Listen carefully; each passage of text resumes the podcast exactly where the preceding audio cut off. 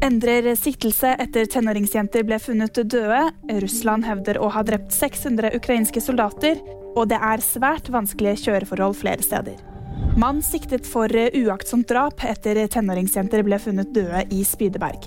Politiet ble oppringt natt til søndag fra en privat adresse. Etter kort tid ble de to tenåringsjentene erklært døde. Det var snakk om mulig overdose av narkotika, opplyste politiet. En tredje jente er fraktet til sykehus. Mannen i 20-årene er tidligere straffedømt. Han erkjenner ikke straffskyld, opplyste hans advokat tidligere i dag. En annen mann er også pågrepet siktet for å ha solgt narkotika til jentene. De to omkomne er to tvillingsøstre på 16 år. Russland hevder å ha drept 600 ukrainske soldater. Det skriver nyhetsbyrået Reuters.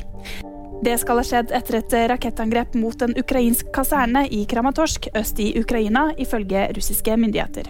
Ordfører i Kramatorsk avviser imidlertid dette og sier at ingen ble skadet. Det skriver nyhetsbyrået Reuters. Kjør forsiktig, det er oppfordring til bilistene. Krevende værforhold gjør det nemlig vanskelig å ferdes på veiene. Det er bl.a. store mengder vann i veibanen og snøsmelting som skaper problemer i Sør-Norge. Nord i landet er det flere steder utstedt gult farevarsel på kraftige vindkast, skriver NTB. Det var VG-nyhetene. Du fikk dem av meg, Jiri Friis Edland.